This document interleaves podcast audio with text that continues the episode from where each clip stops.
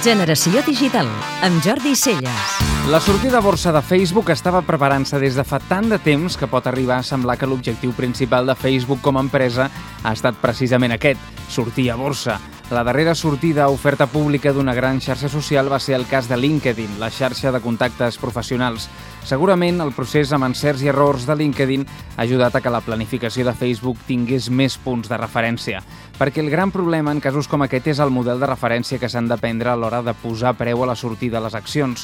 Si el preu es centra en el valor real de l'empresa en aquests moments, en la seva capacitat per generar beneficis, o si el que es valoren són les possibilitats de futur que posseix el que li aporten.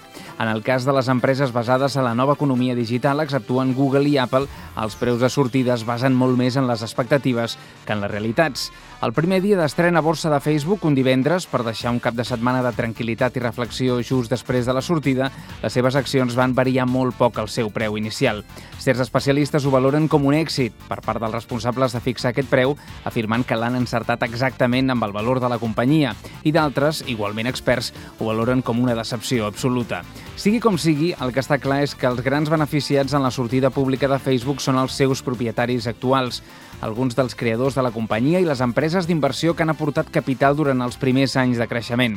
De fet, el model de negoci d'aquestes empreses és precisament el d'invertir en negocis de futur per tal de poder treure'n rendiments econòmics líquids a mig termini. Molta gent hi ha guanyat molts diners i molts d'altres hi han posat els seus. El futur de Facebook a la borsa pot ser tan volàtil com el ritme de les opinions i les tendències en aquest món digital 2.0 que la mateixa companyia s'ha ocupat d'accelerar exponencialment. No sé per què, però les sensacions viscudes durant aquests dies previs i durant la sortida a borsa de Facebook, amb tot l'espectacle mediàtic que l'ha envoltat, m'han recordat massa la sortida a borsa de Terra, el portal de Telefònica, vaixell insígnia de la bombolla digital de l'any 2000. Podeu escoltar Generació Digital cada dissabte de 4 a 6 de la tarda a Catalunya Ràdio.